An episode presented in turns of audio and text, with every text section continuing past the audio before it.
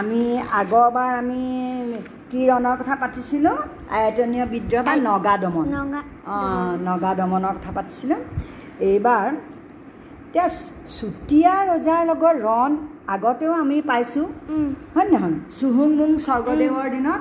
সেই তেওঁৰ ৰাজত্ব কালতো কি হৈছিলে? চুতীয়া ৰজা নীতিপালৰ ৰাজ্য আহোম সেনাই আক্ৰমণ কৰিছিলেগৈ। উম। আৰু আহ- আহোম ৰজাই কিহৰ কাৰণে আক্ৰমণ কৰিছিল? কেইবা বছৰৰ আগৰ পৰা নীতিপালৰ অন্যায় শাসনত চুতীয়া ৰাজ্যৰ দুৰৱস্থা ঘটাৰ কথা শুনি আহিছিলে। এতিয়া ৰজাজন যে মানে বেয়া আছিলে সেইটো কথা শুনি আছিল। এতিয়া খ্ৰীষ্টাব্দ পোন্ধৰশ তেৰ চনত চুতীয়া ৰজাৰ সেনাপতি ধীৰ নাৰায়ণ কোঁৱৰে লগত কিছুমান সৈন্য সামন্ত লৈ শদিয়াৰ পৰা ৰাজ আজ্ঞা অনুসাৰে তাৰমানে চুতীয়া ৰজাই ৰজাই আদেশ দিছিল কাৰণে তেওঁ কি কৰিছিলে?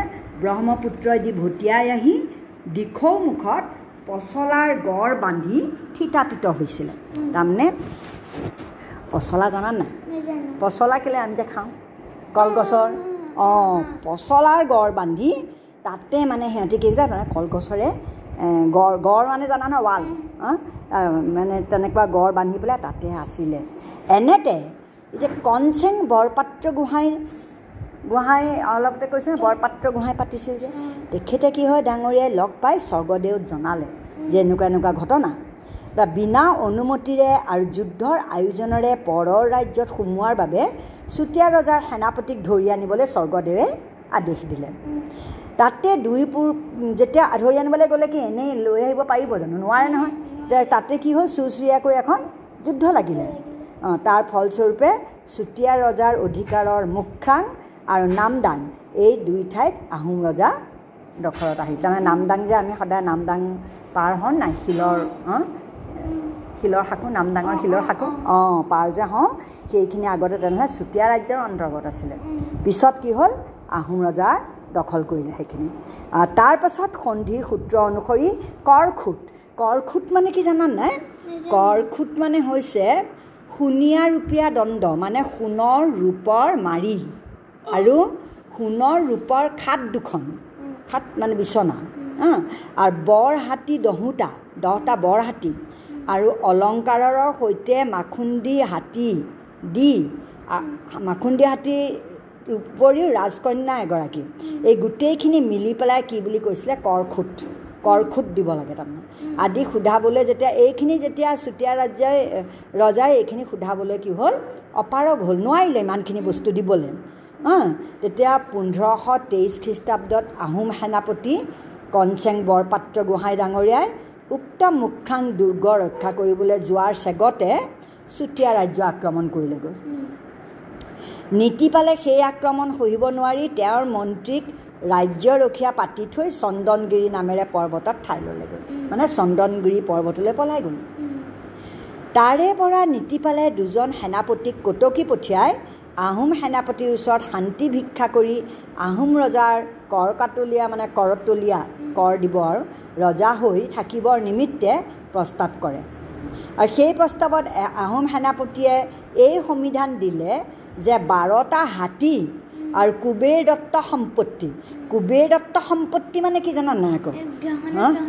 নহয় কুবেৰ দত্ত সম্পত্তি হৈছে ঢাল এখন তৰোৱাল এখন জাঠি এপাত সোণৰ মেকুৰী এটা মানে? অঁ সোণৰ মেকুৰী মানে চুতীয়া ৰজাৰ চুতীয়া ৰাজ্যৰ সোণৰ মেকুৰীটোৱেই মেইন বস্তু আছিলে সিহঁতৰ। হা সোণৰ মেকুৰী এটা আৰু ধনৰত্ন এখা এ মানে এক কলহ ধনৰত্ন। এই গোটেইখিনি মিলি পেলাই কি বুলি কয় কুবেৰ দত্ত সম্পত্তি। অঁ এই গোটেইখিনি সম্পত্তি কি বুলি তেতিয়া কি ক'লে যে আহোম আহোম ৰজাই কি ক'লে বাৰটা হাতী লাগিব কুবেৰ দত্ত সম্পত্তি লাগিব। আৰু সাধনী ৰাণীক সমৰ্পণ নকৰে মানে কোনো প্ৰকাৰৰ সন্ধি হ'ব নোৱাৰে বুলি ক'লে। এইকেইটা যেতিয়ালৈকে বাৰটা হাতী নিদিয়ে কুবেৰ দত্ত সম্পত্তি নিদিয়ে আৰু সাধনী ৰাণী সাধনী ৰাণীয়ে সমৰ্পণ কৰি আত্মসমৰ্পণ কৰিব লাগিব। সাধনী ৰাণী হৈছে সাধনী সতী সাধনী বুলি কয়। সতী সাধনী হৈছে নাম। সাধনী হৈছে সেই নীতিপালৰ ৰাণী হয়। এতিয়া তুমি কেতিয়াবা চুতীয়াৰ বুৰঞ্জী আছে নহয় চবৰে বুৰঞ্জী থাকে ন? চুতীয়া চুতীয়াৰ বুৰঞ্জীত আচল মানে তেওঁ হৈছে এগৰাকী বীৰাংগনা। বীৰাংগনা মানে তেওঁ নিজৰ দেশক খুব ভাল পাইছিল চুতীয়া ৰাজ্যখনক ভাল পাইছিলে। সেইকাৰণে তেওঁ তলৰ লোকৰ তলতীয়া হ'ব বিচৰা নাছিলে। গতিকে আহোম ৰজাই ক'লে যে সেই সাধনী ৰাণীকো লাগিব। সাধনী ৰাণীয়ে আত্মসমৰ্পণ কৰিব লাগিব। অঁ আৰু বাৰটা হাতী লাগিব আৰু কুবেৰ দত্ত সম্পত্তিখিনি লাগিব। তেতিয়াহে আমি সন্ধি কৰিব পাৰোঁ তেতিয়াহে আমি সন্ধিৰ কথা পাতিম। নহ'লে সন্ধি মানে জানা নহয় এক মানে ফ্ৰেণ্ডশ্বিপ অঁ। তেতিয়াহে সন্ধি কৰিব পাৰিব। তেতিয়া কি হয় চুতীয়া ৰজা সেই পাছ সেই প্ৰস্তাৱত মান্তি হ'ব নোৱাৰাত আহোম সেনাই চন্দনগিৰিলৈকে খেদি গৈ তাতে তেওঁক আৰু নগৰত মন্ত্ৰীক বধ কৰি চুতীয়া ৰাজ্য দখল কৰে। তে তেতিয়া এইখিনি কৰিব নোৱাৰোঁ বুলি ক'লে। কি কৰিলে? এই চন্দনগুৰিত লুকাই আছিল নহয় চন্দনগিৰি ৰাজ্য তাৰ তালৈকে খেদি গৈ পেলাই কি কৰিলে? ৰজা মানে মন্ত্ৰীকো বধ কৰিলে আৰু চুতীয়া ৰাজ্য দখল কৰিলে। সেই সেই আপাহতে তেতিয়া কি কৰিলে? সাধনী ৰাণীয়ে কি কৰিলে? দেখিলে যে এতিয়া উপায় নাই। সেইখিনিলৈকে পালেহি। তেতিয়া ৰাণীয়ে কি কৰিলে জানানে? গোটেই কুবেৰ দত্ত সম্পত্তিখিনি বুকুত বান্ধি লৈ চন্দনগিৰিৰ টিঙৰ পৰা চন্দনগিৰি এখন পৰ্বত হয় নহয় সেই চন্দনগিৰিৰ পৰ্বতৰ পৰা তলৰ কুণ্ডলৈ জাপ দি আত্মহত্যা কৰিলে তাৰমানে। নিজৰ নিজকে নিজে মাৰি পেলালে। কুব কুবে কুবেৰ সম্পত্তিখিনিও ঢাল তৰোৱাল নাচা সোণৰ মেকুৰী। সেইবোৰ গোটেই সেইখিনি কুবেৰ সম্পত্তি ন সিহঁতৰ সেইখিনিও লগত লৈ পেলাই একেলগে তেওঁ মৃত্যুবৰণ কৰিলে। তাৰপিছত চুহুমুং স্বৰ্গদেৱে চুতীয়া ৰাজ্য হস্তগত কৰিলে আৰু চুতীয়াবিলাকক আকৌ লগ লাগিব নোৱাৰাকৈ অসম দেশৰ চাৰিওফালে সিঁচৰিত সিঁচৰতিকৈ বসতি কৰিবলৈ আজ্ঞা দিলে। তাৰমানে কি হ'ল যদি একেলগে থাকে তেতিয়াহে বাৰে বাৰে ৰাজ্য আক্ৰমণ কৰিব কিবা কৰিব। সেইকাৰণে কি কৰিলে চুতীয়াবিলাকক কি কৰিলে চব বেলেগ বেলেগ বেলেগ বেলেগ ঠাইলৈ বেলেগ বেলেগ ঠাইত মানে সিহঁতক থিতাপি দিয়ালে একেলগে থাকিবলৈ নিদিলে। এতিয়া স্বৰ্গদেৱে ভাবিলে যে যে যদি ইহঁতক এনেকৈ একে ঠাইতে থ'লে আকৌ মূৰ জোকাৰি আকৌ উঠিব পাৰে আকৌ আকৌ যুদ্ধ কৰিব সেইকাৰণে তেওঁলোকৰ গোটেই সেইটো যাতে নহয় আকৌ যাতে যুদ্ধ নহয় এই আশংকাৰ বীজ মাৰি পেলালে। ইয়াৰ পাছত স্বৰ্গদেৱে চুতীয়া ৰজাৰ পু ভাইবিলাকক পাকৰিগুৰিত আৰু ভৈৰৱীৰ পূবে বিশ্বনাথৰ ওচৰত আঁতৰাই পাতি শদিয়াত তিনিটা হাতী আৰু তিনি হেজাৰ মানুহৰে সৈতে থাওমুং ফা ফাচেনমুন বৰগোহাঁইক শদিয়া খোৱা গোহাঁই খিতাপেৰে অঁ তিনি হাজাৰ মানুহ হাতী নহয়। তিনিটা হাতী। আৰু তিনি হাজাৰ মানুহ দি পেলাই শদিয়াত কি কৰিলে? থাওমুং ফাচেনমুন বৰগোহাঁইক শদিয়া খোৱা গোহাঁইত খিতাপেৰে তেওঁৰ নামটো শদিয়া খোৱা গোহাঁই দি পেলাই ৰাজ প্ৰতিনিধি বিষয়া পাতে। আৰু তেতিয়াৰ পৰা সেই নামেৰে এজন শাসনকৰ্তা শদিয়াত নিগাজিকৈ ৰখাৰ নিয়ম প্ৰচলিত হ'ল। তাৰপিছতে কি হ'ল? সেয়াই হ'ল শদিয়া খোৱা গোহাঁই। মানে বেলেগ বেলেগ কেনেকৈ নাম হৈছে গম পাইছা নহয়? এতিয়া মহঙৰ লোন পুং অধিকাৰ। চুতীয়া ৰজাৰ দেশ আক্ৰমণ কৰাৰ পিছত নগাহঁতে এতিয়া বাৰে বাৰে কি হয় নগা কছাৰী চুতীয়া ইহঁতি আহোম ৰাজ্য আক্ৰমণ কৰি থাকে। নগাহঁতে খামজাং বৰকলা তাবলুং আদি ঠাইত সোমাই আকৌ বিদ্ৰোহ উপস্থিত কৰে। আকৌ বিদ্ৰোহী হ'ল। হা স্বৰ্গদেৱ চুহুংমুঙে এটা অভিযান পঠিয়াই সিহঁতক যুদ্ধত ঘটোৱাই এইবাৰ মহঙৰ লোনপুং দখল কৰিলে। লোনপুং মানে মহঙত নিমখৰ পুং আছিলে। কি- খুজিলে? নাই এইবাৰ খোজা নাই। এইবাৰ কি কৰিলে যে সিহঁতৰ যিটো নিমখৰ নিমখ মানে নিমখৰ এতিয়া চোৱা কিছুমান নিমখ সাগৰৰ পৰা আমি নিমখ তৈয়াৰ কৰোঁ। আৰু কিছুমান ৰক চল্ট বুলি কয় যে সন্ধ্যৱ লৱণ ক'লা নিমখ সেইবোৰ কি হ'ল? পাথৰৰ পৰা হয়। সেই লোন পুং ক'ত আছিলে? এই মহং চুতীয়া ৰজাত আছিলে। চুতীয়া ৰজাৰ দেশত আছিলে। হা? তাৰপিছতে তাৰ এতিয়া খামজাং বৰকলা তাবলুং এইবোৰ আকৌ আকৌ নগাহঁতৰ ওচৰত আছিলে। এই যে মহং নামৰ ঠাইত যিটো লোনৰ পুং পুং বুলি কয় সেইটো। যেনেকৈ তেলপুং বুলি কয় লোন পুং য'ত বস্তুটো পায় তাৰমানে খান্দি পেলাই উলিয়াই। সেই সেইখিনি কি কৰিলে সেইটো অধিকাৰ কৰি ল'লে মহঙৰ? তাৰপিছতে কি হ'ল পোন্ধৰশ চৌব্বিছ চনত চেক বুজি বৰদেউনীয়াৰ গাঁৱত সোমাই নৰা ৰজাই ৰণ দিয়েহি। এই যে নৰা ৰজাৰ কথা যে এবাৰ কৈছিলোঁ যে চীন দেশত যে দুটা ফৈদ হৈ গৈছিলে আহোমৰ মনত আছে? এতিয়া এই নৰা ৰজা আহিলে এইবাৰ। ৰণত নৰা নৰা ৰজাকো এইবাৰ আহোম ৰজাই কি কৰিলে? ঘটুৱালে। ঘটুৱাই পেলাই ঘাটিলত বাং বাংখামদেং নামেৰে নিজৰ ভনীয়েকক আহোম ৰজালৈ বিয়া দি তেওঁ স্বৰ্গদেৱৰ সৈতে মনোবাদ মিত মাত কৰিলে। নহয় ভনীয়েকক ভনীয়েকক অঁ। অঁ ভনীয়েকক বিয়া দি পেলাই কি কৰিলে? মিত্ৰতা স্থাপন কৰিলে নৰা ৰজাই। পিছে তাৰপিছতে কিমান আক্ৰমণ হৈছে দেখিছা? তাৰপিছতে আহিলে মুছলমানৰ আক্ৰমণ আহিলে। মুছলমানে এইবাৰ পঞ্চমবাৰ আক্ৰমণ কৰিছে দেই। মানে পাঁচবাৰ এতিয়া পাঁচ নম্বৰ বাৰত মানে অঁ কলিয়াবৰৰ ৰণে কলিয়াবৰত যুদ্ধ কৰিছিল কাৰণে এই ৰণখনক কলিয়াবৰৰ ৰণ বুলিও কয়। পোন্ধৰশ পঁচিছ চনত ভাটিৰ পৰা বৰজিৰাৰ আক্ৰমণ পৰেহি। তেওঁ ৰণত ঘাটি একুৰি বৰহিলৈ এৰি পলাল। এতিয়া কি হ'ল? এতিয়া তোমাৰ ৰ'বা দেই এতিয়া মই এইখিনিতে মই কৈছোঁ। আহ, খ্ৰীষ্টানভাৱে পোন্ধৰশ পঁচিছ চনত কি হ'ল? ভাটি মানে কি জানে? উজনি আৰু ভাটি। ভাটি মানে নামনি। নামনিৰ পৰা। বৰ উজিৰৰ আক্ৰমণ পৰেহি।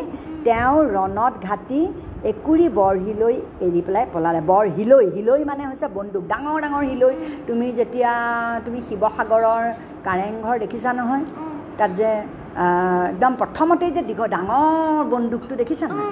এইটো হিলৈ বৰ হিলৈ এৰি পেলাই পলালে। আকৌ খ্ৰীষ্টাব্দ পোন্ধৰশ সাতাইছ চনত পাঠান তুৰ্বক অসম দেশ আক্ৰমণ কৰিবলৈ আহে। পাঠানবিলাক আহিলে। তেতিয়া সেই সময়ত স্বৰ্গদেউ চুহুমুঙে আন আন যুদ্ধত লাগি থকাৰ কাৰণে সেইফালে বৰকৈ মন কাণ দিব নোৱাৰাত মিছল মুছলমানে সেই যাত্ৰাত নিৰ্বিবাদে কলিয়াবৰলৈকে অসম দেশ জয় কৰি আহিলে। একদম কলিয়াবৰ মানে কলিয়াবৰ দেখিছা নাই? সেই নগাঁৱৰ ওচৰত। সেইখিনিলৈকে মানে সেইখিনিলৈকে মানে একেবাৰে যুদ্ধত জয় কৰি পেলাই সোমাই আহিলে অসমত। হা তাৰপিছতে কলিয়াবৰত আহোম ৰজাৰ সেনাৰ লগত তেওঁলোকৰ এখন ৰণ লাগিছিল। সেই খাপত আহোম ৰজাৰ ফালৰ খুনলুং খামপেং বৰগোহাঁই কি বুঢ়াগোহাঁই আৰু ফাচেংমুং বৰগোহাঁই প্ৰমুখ্যে আঠখন হেংদানৰ সৈতে আঠজন সেনাপতি ৰণত পৰিল। পিছে টাওচাং বৰ বুঢ়াগোহাঁই আৰু কিলিংখাম বৰগোহাঁই এই দুজনক নতুনকৈ সেনাপতি পাতি পুনৰ ৰণলৈ পঠিওৱা হ'ল। ইবিলাকে ৰজাৰ আদেশ অন্যথা কৰি গোপনে শত্ৰুপক্ষৰে সৈতে মিত্ৰতা কৰিব খোজাত। দুয়োকে ভাঙি দেখিছেনে নাই? আহোম ৰজাৰ মানুহেও কি কৰিছিলে? মনে মনে মিত্ৰতা কৰিব খুজিছিলে। সেই পাঠান খিলাকাৰী মুছলমানৰ লগত তাৰমানে। তেতিয়া ৰজাই গম পায় সিহঁত দুয়োকে ভাঙি লাঙি ধুপুৰা বৰগোহাঁই বুঢ়াগোহাঁই আৰু টনখাম বৰ বৰগোহাঁই এই দুজনক নতুনকৈ ডাঙৰীয়া পতা হয়। সিপালে সেই চেগতে তুৰ্বক ৰণত জিকি নিজৰ দোষলৈ উলটিল। এইবাৰ কি হ'ল? ৰণত জিকিলে সিহঁতি। কাৰণ অঁ মুছলমান তুৰ্বক মানে তুৰ্বকবোৰ মুছলমানেই হয়। সিহঁতি এইবাৰ ৰণত জিকি পেলাই সিহঁতি গুচি গ'লগৈ। এতিয়া এইটোতো বহুত বেয়া কথা হ'ল ন? এতিয়া কি হ'ল? তেনেকুৱাতে এতিয়াতো ৰণ ইবিলাকৰ লগত ৰণ লাগিয়ে আছে। এইবাৰ আহিলে কছাৰীৰ ৰণ। অঁ কছাৰীবিলাকে এইবাৰ কি কৰিলে? পোন্ধৰশ একত্ৰিছ খ্ৰীষ্টাব্দত আহোম ৰজাই টিপাম ৰজা চাৰিং ৰজা নামৰূপীয়া ৰজা সৰুজনা গোহাঁই আৰু দা ডাঙৰীয়াসকলক সসৈন্যে পঠিয়াই মৰঙিত এটা কোঠ মৰায় সেই কথাত অসন্তুষ্ট হৈ কছাৰী ৰজা খুনখৰাই কোঠ ভাঙি আহোমক তাৰ পৰা খেদি দিবৰ কাৰণে ভায়েক নেওচাক সসৈন্যে পঠিয়ায়।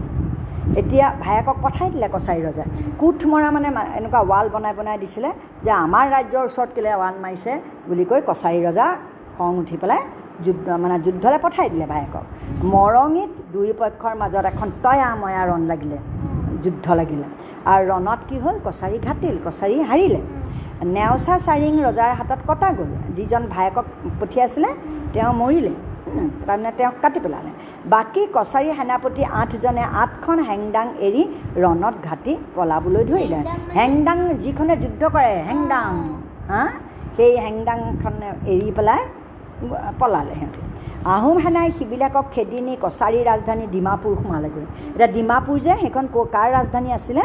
কছাৰী ৰজা? ডিমাপুৰ। ডিমাপুৰ আছে যে? অঁ তাত কছাৰী ৰজাৰ ৰাজধানী আছিলে তাত। তাতো এখন ডাঙৰ ৰণ লাগিছিল। কছাৰী ৰজা খুনখুৰা সেই ৰণত ঘাটি পলালত আহোম সেনাপতিয়ে নেওচুং নামেৰে এজন কছাৰী কোঁৱৰক ডিমাপুৰত ৰজা পাতি তেওঁক আহোম ৰজাৰ কৰকাতলীয়া ৰজা কৰিলে। ৰাজ্যখন লৈ লৈ নলৈ পেলাই তাতে কছাৰী ৰজাক পাতি পেলাই ৰজা পাতি পেলাই কি কৰিলে তাৰ পৰা তেওঁ টেক্স দিবৰ কাৰণে ক'লে কৰকাতলীয়া এতিয়াতো পঞ্চম ৰণতো আমাৰ আহোমসকলটো মুছলমানৰ যুদ্ধত কি হ'ল? মুছলমানবোৰ জিকিলে। এতিয়া আকৌ ষষ্ঠবাৰ আক্ৰমণ হ'ল। মুছলমানৰ মুছলমানে আমাৰ ইয়াত ওঠৰ বাৰ আক্ৰমণ কৰিছিলে ওঠৰ বাৰ এইটিন টাইমছ এতিয়া এতিয়াতো ছিক্স টাইম হৈছে। অঁ ইয়াত হ'ল ডিক্ৰাই মুখৰ ৰণ। যোৱাবাৰত জয়ী হৈ মন বঢ়া যে জয় জয় হৈছোঁ আমি গোটেই অসমখন লৈ ল'ম আৰু। সিহঁতৰ একদম মানে ফন্দি আছে নহয় জয় হৈ গ'ল। তেতিয়া টুব্বক সিহঁতক টুব্বক বুলি কোৱা হয়। টুব্বকবিলাকে কি কৰিলে পোন্ধৰশ বত্ৰিছ চনত আকৌ অসম দেশ আক্ৰমণ কৰিবৰ উদ্দেশ্যে কলিয়াবৰলৈকে উজাই আহে। কলিয়াবৰটো সিহঁতি যুদ্ধত জয় কৰি থৈছিলে। সেই চেগতে প্ৰতি বৈৰীক প্ৰতিশোধ দিয়াৰ প্ৰতিজ্ঞাৰে ফ্ৰাচেংমুং ফ্ৰাচেংমুং বৰগোহাঁই ডাঙৰীয়াৰ বিধৱা ডাঙৰীয়ানে কোন আছিল জানানে? ফ্ৰাচেংমুং বৰগোহাঁইৰ মানে ঘৈণীয়েক কোন আছিলে? মূলা গাভৰু মূলা গাভৰুৰ নাম শুনিছেনে নাই? অঁ মূলা গাভৰু কোৱা মূলা গাভৰু অসমৰ বীৰাংগনা। তেওঁ যেতিয়া দেখিলে যে যেতিয়া দেখিলে যে আকৌ আক্ৰমণ কৰিছে একদম এইবাৰ মূলা গাভৰুৱে ক'লে মোৰ তেওঁৰ মানে হাজবেণ্ড তেওঁৰ ফাচেংমুন বৰ বৰগোহাঁইকটো তেতিয়া মাৰি পেলাইছিলে নহয়? তেতিয়া এইবাৰ তাৰ প্ৰতিশোধ ল'বৰ কাৰণে তেওঁ নিজেই ৰণলৈ ওলালে। নিজেই যুদ্ধ কৰিবলৈ ওলালে মুছলমানে ডাঙৰীয়ানীৰ সাহ আৰু ৰণকৌশল দেখি বিস্ময় মানিছিল। শেষান্তৰত তেওঁ সেই ৰণতে প্ৰাণ দি মনৰ হেঁপাহ পূৰালে আৰু তেওঁৰ জ্বলন্ত উৎসাহৰ পতন্তৰে আহোম সেনাক চতুৰ্গুণে উৎসাহিত কৰিলে। তেওঁ তাতে মৃত্যুবৰণ কৰিলে কিন্তু তেওঁ পিছ হুহুকি নগ'লে। মূলা গাভৰু আৰু তেওঁ যেতিয়া অঁ তেতিয়াও তেওঁ মৃত্যুবৰণ কৰিলে। কিন্তু তেওঁ মৃত্যুবৰণ কৰা দেখি আহোম সেনাবিলাকে এজনী ছোৱালী এজনী মাইকী মানুহে এনেকুৱা ধৰণে যুদ্ধ কৰিব পাৰে। আমি কেলৈ নোৱাৰিম? সেই বুলি কি কৰিলে? উৎসাহিত হ'ল। উৎসাহিত হৈ স্বৰ্গদেৱেও এইবাৰ যুদ্ধৰ ফালে ভালকৈ মন দিছিল। আৰু নতুনকৈ পতা কনচেং বৰপাত্ৰ ডাঙৰীয়াক এজাক তেজী সৈন্যৰ সেনাপতি পাতি মুছলমানৰ লগত ৰণ দিবলৈ পঠিওৱা হ'ল। ডিক্ৰাই মুখতে দুয়ো দলৰ ভেটা ভেটি হয় আৰু তাতে কনচেং ডাঙৰীয়াৰে সৈতে পাঠানহঁতৰ এখন ঘূৰতৰ ৰণ লাগিল। এনেতে বংগৰ পৰা হুচন খান নবাবে তুব্বকৰ লগত যোগ দিলেহি। আকৌ কি হ'ল বেলেগ বংগৰ পৰা বংগখনো তেতিয়া মুগ হেৰিয়ে মুছলমানে দখল কৰিলে। তাৰ পৰাও সিহঁতেও হুচন খান নামৰ নবাবজনেও আহি পেলাই এই তুব্বকবিলাকৰ লগত যুদ্ধত যোগ দিলে। তেতিয়া সিহঁতৰ সেনা বেছি হৈ গ'ল। স্বৰ্গদেৱে শলা আৰু দুইমুনি শিলাৰ পৰা ৰণৰ দিহা দিলেহি। ইতিচেগতে তুব্বকৰ দাচু নামেৰে নবাব নামেৰে নবাব এটা ঘোঁৰা এফৈদৰে সৈতে আগবাঢ়ি খেদি আহিল। পাছে আমাৰ লোকে কাটি খুচি কঢ়িয়াই বিস্তৰ ঘোঁৰা মাৰিলে। তাতে তুৰ্বকৰ হুচন খা ৰজাক পাই কাটিলে। মানে মুছলমান ৰজাজনক পাতি পেলাই কাটি পেলালে। এতিয়া পিছে মুছলমান সেনাই কনচেং ডাঙৰীয়াৰ বিক্ৰমৰ আগত সৰহপৰ ঠাউৰিব নোৱাৰিলে। অঁ ৰ'বা তেতিয়া তেতিয়া ফিৰিঙতি ওফৰা দি সিহঁতি উফৰি পলাবলৈ ধৰিলে। সদৰ শেষত কনচেং ডাঙৰীয়াই নিজৰ হাতৰ অস্ত্ৰেৰে তুব্বকৰ মূৰ কাটি হাতত ল'লে আৰু পাঠানবিলাকক কৰটোৱা নৈৰ পৰা পাৰ খেদ কৰি খেদি থ'লেগৈ। আৰু মুছলমানৰ বহুত হাতী ঘোঁৰা বন্দুক আদি বিস্তৰ যুদ্ধৰ আহিলা আহোম সেনাই হাত কৰিলে। এই অসমলৈ অঁ বন্দুক আছিলে। সিহঁতৰ হাতত আছিলে আমাৰ হাতত নাছিলে। আমাৰ হাতত হিলৈহে আছিলে। তা এই অসমলৈ বন্দুকৰ প্ৰথম আমদানি। তেওঁলোকৰ পৰা বন্দুকখিনি লৈ ল'লে নহয় এতিয়া প্ৰথম প্ৰথম অসমত তাৰমানে বন্দুক পালে। গম পাইছা? তাৰপিছতে পলাব নোৱাৰা এহেজাৰমান পাঠান সেনা আহোমৰ হাতত বন্দী হ'ল। আৰু কনচেন ডাঙৰীয়াই কৰটোৱাতে অস্ত্ৰ ধুই যুদ্ধত জয়ী হোৱাৰ চিনস্বৰূপে সেই নৈৰ পাৰত দৌল আৰু পুখুৰী কৰালে। ইয়াৰ পাছত স্বৰ্গদেৱে নিজৰ পিতৃবীৰ্যেৰে কনচেং ডাঙৰীয়াৰ বিৰোচিত কাৰ্যত বৰ সন্তুষ্ট হৈ তেওঁক অতি আদৰেৰে প্ৰধানমন্ত্ৰী পাতিলে। কনচেং বুঢ়াগোহাঁই ডাঙৰীয়াক কি কৰিলে? তেওঁ প্ৰধানমন্ত্ৰী বাদ দিলে। ৰজা কাৰ ৰজা?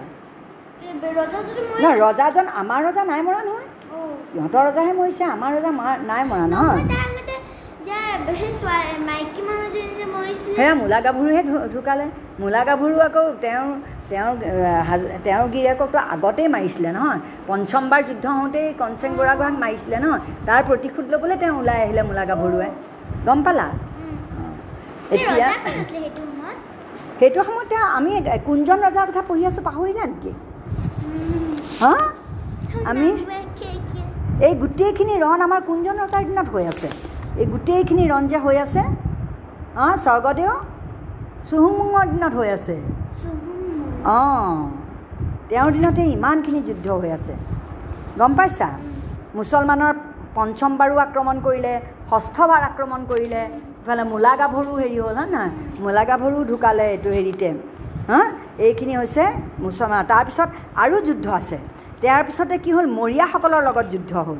এতিয়া মৰিয়ানো কি বস্তু হয় নহয়? হা?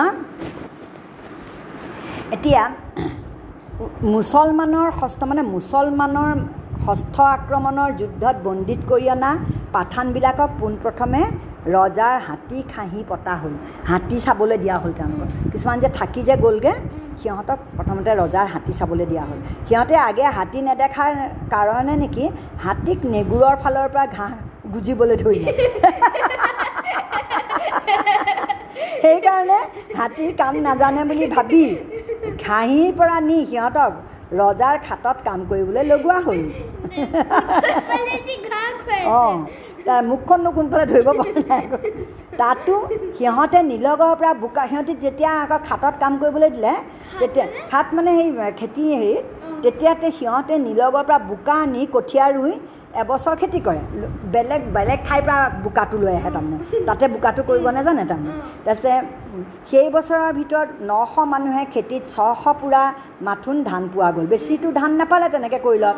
তেতিয়া নশ মানুহে ছশ ধন ধান আৰ্জিলোঁ। মানে এতিয়া কি হ'ব?